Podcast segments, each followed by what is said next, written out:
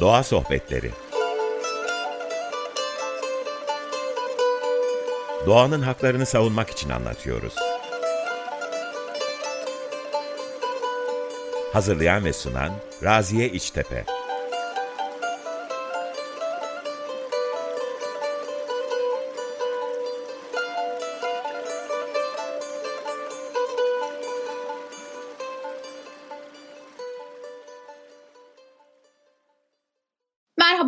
Sohbetlerine hoş geldiniz. Ben Raziye İçtepe. 95.0 Açık Radyo'dayız. Sohbetimizin bu haftaki konusu zeytin ve zeytinyağının yolculuğu aslında.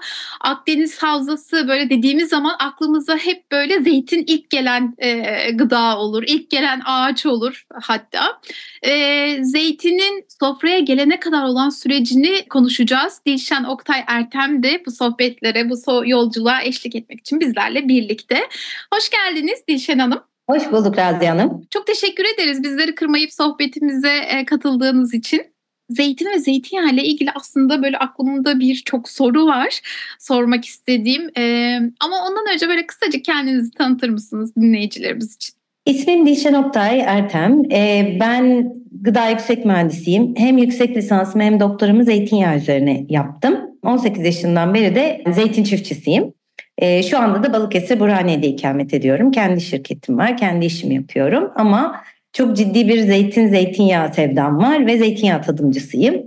Hem yerel hem uluslararası yarışmalarda zeytinyağı jüri üyeliği yapıyorum. Böyle yarışmacı arkadaşlarım başarılar dilerim. Çok teşekkür ederiz.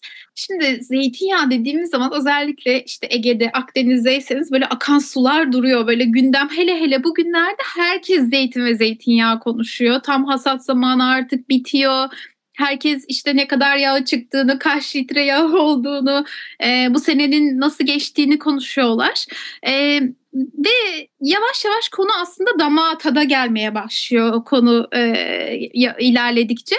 Zeytinyağını tattığın zaman aslında e, diyoruz ki hani damağımızdaki o tat zeytinin bir yolculuğunun e, işaretleri, emarelerini taşıyor. E, peki mesela hep ikinci konu şeydir ya kaç litre olduktan sonra asidi ne kadar?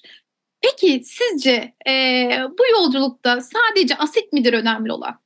Bence değildir. Ben bununla ilgili 4 sene önce de bir yazı yazmıştım. İsterseniz bir ara linkini de paylaşırım hatta. Zeytini sıktıktan sonra zeytinyağının asitliğine bakmak, serbest yağ asitliğine bakmak çok basit ve çok hızlı bir yöntem deney olarak. Ve e, Türk Gıda Kodeksinde de tüm dünyada da kalite kriterlerinin içinde birinci sırada geliyor. Basit ve hızlı olduğu için.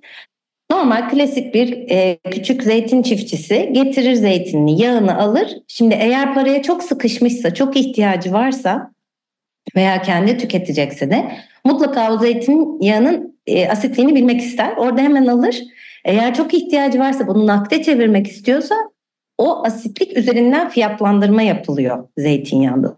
Ve zeytinyağının içinde sadece böyle asitlik yok bir sürü başka bileşenler, başka konular, başka parametreler var, kriterler var. Dolayısıyla Türk Gıda Kodeksinde de dünyada da önce kalite kriterleri sonra saflık kriterleri vardır. Kalite kriterleri de 5-6 tanedir. Yani böyle sadece serbest yağ asitliğine bakılmaz. Peroksit sayısı vardır, özgül absorbansı vardır, işte metil etili esterleri vardır vesaire. Yani böyle bir sürü kriter. Ama dediğim gibi hızlı yoldan ticaret yapılacaksa veya hızlı yoldan karar verilmesi gerekiyorsa zeytinyağının hemen asitliğine bakılıp karar veriliyor. Temel olarak sadece ölçülere bakarak bir insan hakkında yargıya varmak gibi geliyor. Zeytinyağının sadece asitliğine bakmak. Ha, asitliğin bize verdiği çok önemli bilgiler de var. Şöyle ki asitlik ne kadar yüksekse zeytin tanesi o kadar sağlıksız bir şeyler başına gelmiş. Onu da anlıyoruz. O açıdan önemli. Ama dediğim gibi tek başına haksızlık olur. Yani diğer zeytinyağlarına da haksızlık olur bence. Ve zannediyorlar ki tadarak asitlik anlaşılabilen bir şey. Hayır, asitlik anlaşılamaz tadarak. Çünkü o serbest yağ asitliğini veren oleik asit tadı aslında yok. Yani bu e, dilimizle damağımızla anlayabileceğimiz bir şey değil. O yüzden kimyasallar kullanıyoruz ve hatta şeydir hiç gördünüz mü yapılırken bilmiyorum. Böyle bir e, zeytinyağına bir, bir şeyler konur, alkol eterler vesaire. Bir tane de renk maddesi konur. Ondan sonra titrasyon yapılır. Harcı ısınırken böyle e, renk hafif hafif pembeleşmeye başlar ve tam pembe artık böyle iyice sevgi pıtırcı rengine döndüğü anda dersiniz ki tamam bu asitlik e, şeyi belli oldu galiba. Ne kadar harcadıysanız o kadar asitliği var denir. Dolayısıyla e, aslında konu basit gibi görünse de bunun arkasında da kimya var. Bırakalım işin ehli olan insanlar veya işte kullanılacak bir takım e, kimyasallar, araçlar varsa onlar yapılsın. O kimyanın işi, şeyin işi değil, tadımcının veya tadan kişinin işi değil. Öyle diyeyim size. Peki şey söylediniz hani e, işte zeytin yağının asidi yüksek olduğu zaman onun başına bir şeyler geldiğinin ya da düşük olduğu yüksek olduğu zaman başına bir şeylerin geldiğinin ya da gelmediğinin göstergesidir diye birazcık o konuyu açabilir misiniz? Şimdi şöyle zeytin tanesi sağlıklı ve bütün olduğu zaman yani bozulmadığı zaman serbest yağ asidi dışa vuran şeyler içinde kalıyor. Saklıyor yani. Dolayısıyla asitlik düşük çıkıyor. Diyelim dalındayken bir zeytin sineği geldi. O da çok aslında yani çok komik zeytin sineğine güzelleme yapmak anlamında demiyorum ama o da bir dişi ve yavrusunu aslında güvenli bir yere yerleştirmek istiyor. Büyük parlak iri bir zeytin gördüğü zaman onun içine larvasını yerleştiriyor ve kurtluk büyürken zeytinin içindeki şekeri tüketiyor ve galeriler açıyor. Galerileri açtığı zaman ister istemez küçücük delikler oluşuyor. Böyle bir davetsiz misafir geldiği zaman bundan etkileniyor. Onu da biz asitlik olarak çok rahat algılıyoruz. Ya da tatta da biraz kurtlu diye bir kriter vardır. Tattaki anormal tatlılıktan veya kokudan diyoruz ki bir dakika burada bir ıı, sanırım davetsiz misafirler gelmiş ya da başka bir mantari hastalık olabilir gibi gibi bir sürü başka e, zararlılar da var açıkçası zeytinin etrafında. Bu anlamda demek istemiştim. Başına bir şey geldi. Sağlık, zeytinin sağlığı bozulmuş diyelim.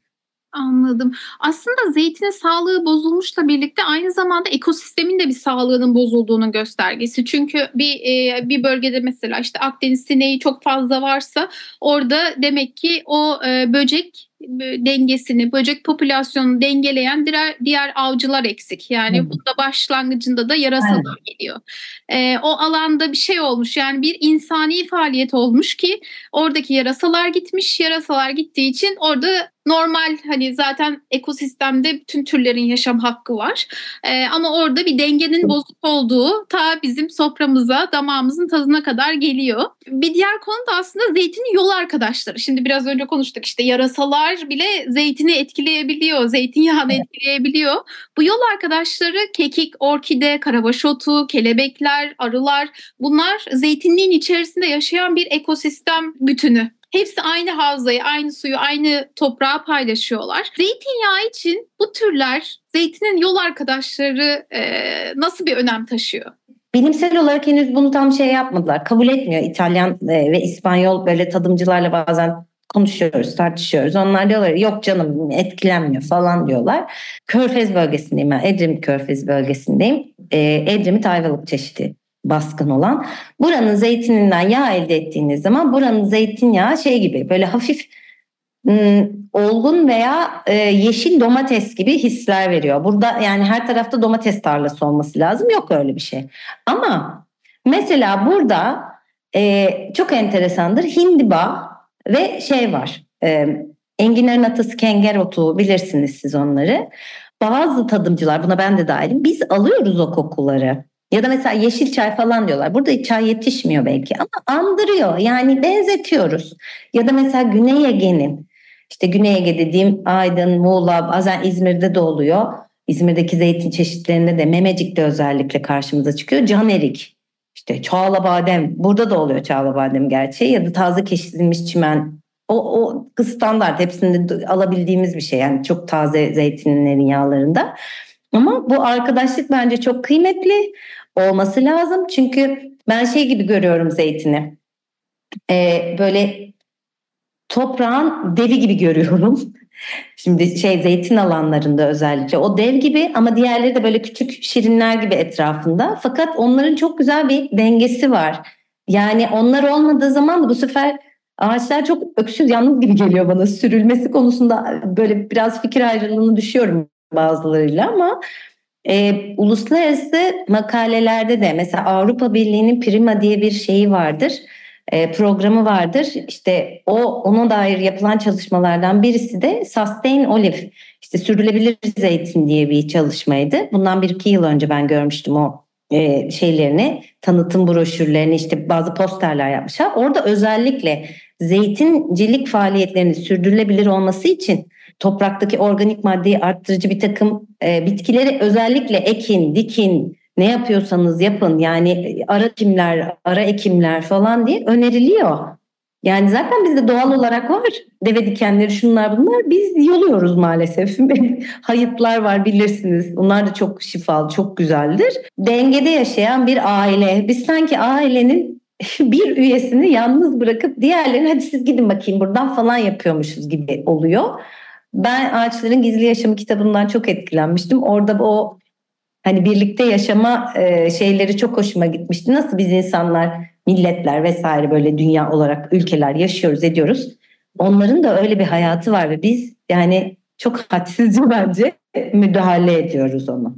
Kesinlikle sizinle aynı fikirdeyim. Ee, özellikle insan e, merkezli bir bakış açısıyla ne yazık ki sadece zeytinliğe, zeytinden ibaretmişiz gibi davranıyoruz ve görüyoruz.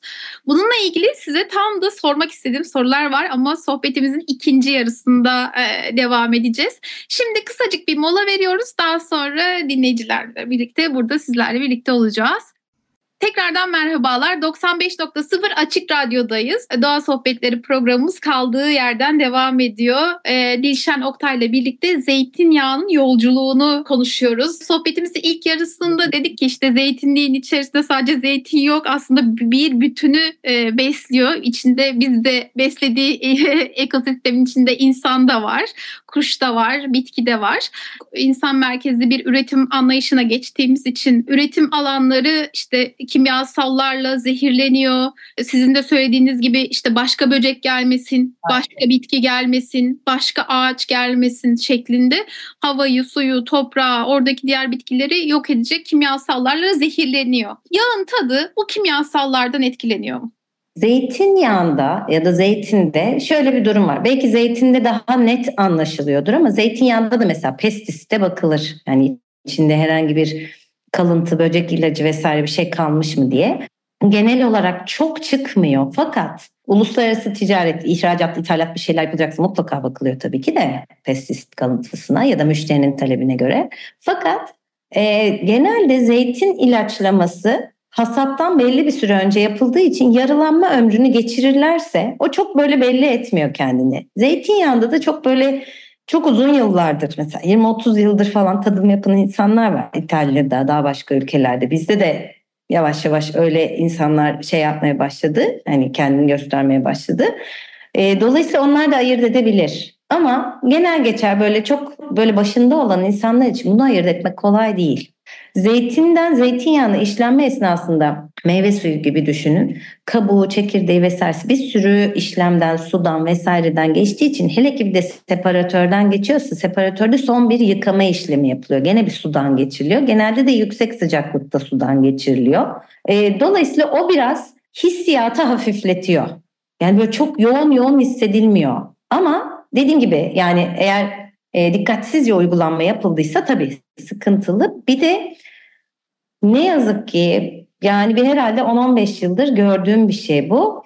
Yoğun, intensif, süper intensif bahçeler var. Belki duymuşsunuzdur. O süper intensif bahçelerde çok sık dikiliyor. Bir metre, iki metre arayla dikiliyor ve bodur zeytin bunlar. Ve genelde de yabancı çeşitler.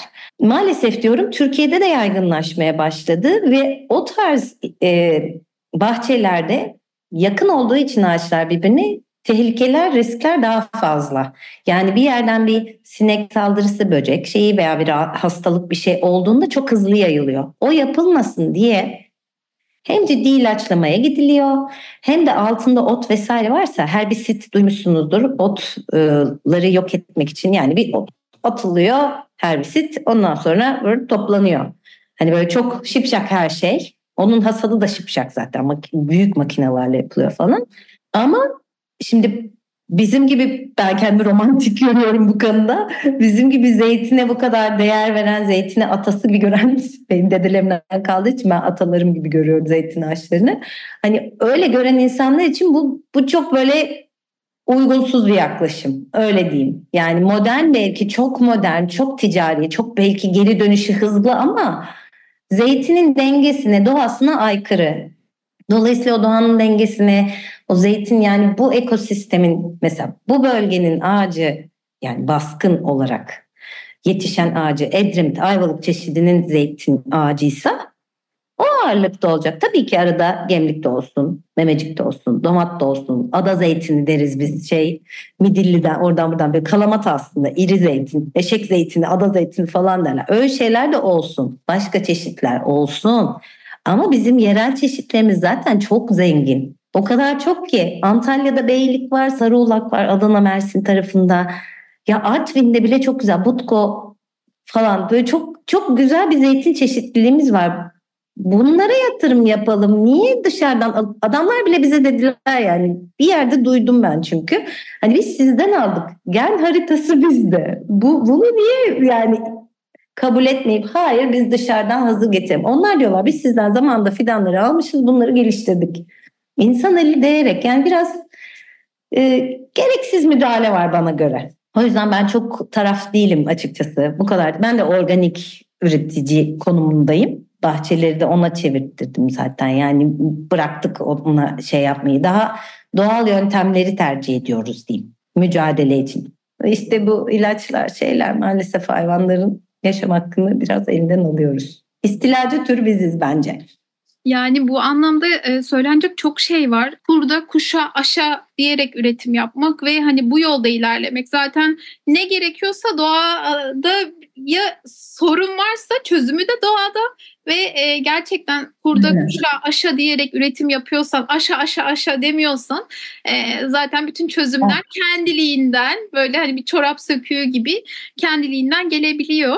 Zeytinyağı böyle bütüncül bir açıdan yani ekosistemiyle içinde yaşayan kültürüyle her şeyiyle neden bakamıyoruz? Yani önümüzde bu uzmanlar bunu neden konuşmuyor? Hani siz mesela işte zeytinyağı camiasının içindesiniz ve evet tamam ekonomi para var bir tarafta ama bir tarafta da ekosistem var. Asla hiçbir parayla karşılığı gelmeyecek, geri gelmeyecek şeyler. Yani bu konuyla ilgili biraz daha fikrinizi merak ediyorum aslında.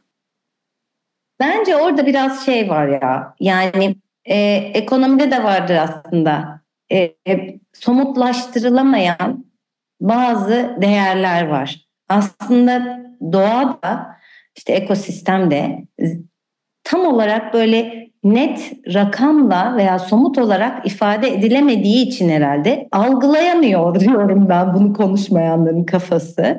Çünkü şöyle bir şey var mesela bizlerde hep bu tehdit diyeyim kafamızda. Bu bölgede de mesela ciddi bir madencilik faaliyeti var, inşaatlar yapılıyor yazlık evler için. Yok efendim işte barajlar yapılıyor. İşte yarasaların e, yuvaları o şekilde gitti zaten. Baraj yapacağız, maden ocakları vesaire diye. Dolayısıyla böyle bir görememe durumu var. Yani şey diyorlar. Öbüründen çok para kazanılıyor. Yani şimdi orada bir anda bir gelen şey var ya, meblağ var ya bir o, o çok böyle kıymete biniyor. Halbuki yani burada da bilmem kaç asırlık bir gelenek var. Bilmem kaç asırdır devam eden ve bundan sonra bizden sonrakilere de gidebilecek bir değer var. O değeri görmüyoruz da şey diyoruz biz. Hani yani çok e, pardon da ben şimdi para kazanmam lazım. Bir dakika yani be- bekleyiversin. Biz rehabilite ediyoruz. Birinde öyle biriyle şey yaptım. Çok güzel rehabilite etmişsiniz dedim. Hala dedim aynı boyda ağaçlar yani inanmıyorum ben dedim öyle bir rehabilitasyon olduğuna. Ama dediğim gibi nedense bunu idrak etmiyorlar ya da akıllarına gelmiyor. Öyle diyeyim artık ben iyi niyetli düşünüyorum ya da gerçekten akıl tutulması var. Yani biz burada kalıcı değiliz. Bunu bir idrak edersek çok rahatlayacağız. Bin senelik ağaçlar. Umayni ne var ya İzmir'de biliyorsunuz. Bin küsur yaşında ağaç. Kim bilir neler gördü. Bir, biz yokuz anlatabiliyor muyum? Bizim ömrümüz hadi bilemediniz çok iyi iyimser ihtimali 150 yıl. Daha fazla değil. Yani bakın evet. çok çok iyimserdir. Yani daha ötesi yok. Ee, bir diğer taraftan da Gülşen Hanım şunu da beni çok şaşırtıyor. Mesela işte e, bu havza içerisinde sizin bölgenizde de öyle. E, zeytinin içinde hayvancılık yapılıyor. Yani mera olarak kullanılıyor alanlar. E, bu e, şu an mesela işte bu havzalar içerisinde e, binlerce yıldır yani hani sözlü kültür ve sözlü hukuk oluşturacak kadar eski bir üretim biçimi, eski bir yöntem biçimi ee, ve bu e, havzalar içerisindeki e, hem işte orayı ekosistem olarak görmek, evinin bir parçası olarak görmek, kendinden bir bütün olarak görmek aynı zamanda da oranın devamlılığının sağlanması. Şimdi Avrupa'daki evet. e, kitaplarda, makalelerde yayınlanıyor ki işte sizin de söylediğiniz gibi sürdürülebilir zeytincilik. Ve biz bunu bir daha keşfediyoruz. Ama gerek yok ki zaten var, zaten yapılıyor. Hem de e, ekstra hiçbir girdi maliyeti olmadan ekstra işte biraz önce söylediğiniz gibi yani rehabilite etmeye ihtiyaç olmadan zaten var. Hani oturup bakmak, orada ne var ne yok e, alana bir desturla girmek aslında ya da üretim alanına bir bakmak, evet. e, oradakilerle konuşmak, yaşlılarla konuşmak, o öğrenmek çok kritik her şey için. E, dediğimiz gibi bir yarasa bile zeytinyağının tadını etkileyebiliyor. Ya şöyle bir şey var. Pandemi süreci bayağı bir öğretti zannediyorduk ama üzüldük ne yazık ki. Yazlık ikinci konutlar için mesela burada ciddi anlamda gene bir hızlandı projeler falan. Biz merak ettik, araştırdık özellikle. Bundan 2-3 sene önce bir araştırma yapmış Güney Marmara Kalkınma Ajansı. O evlerin yıllık ortalama kullanım süresi 30 günmüş. Yani bir ay için doğayı katletmeye değer mi? Bunu tartıştık geçen ay biz yani 9 Aralık'ta e, Gömet Zeytinciler Derneği'nin bir panelinde. Gereksiz. Yani o o bir aylık sürede Başka bir şekilde de tatil yapılabilir. Başka bir şekilde de sayfiye yerlerine gidilebilir. Zeytin ağaçlarını katletmeye gerek yok. Beton yiyebileceğimiz bir şey değil. Buna bir ikna olsak çok rahatlayacağız.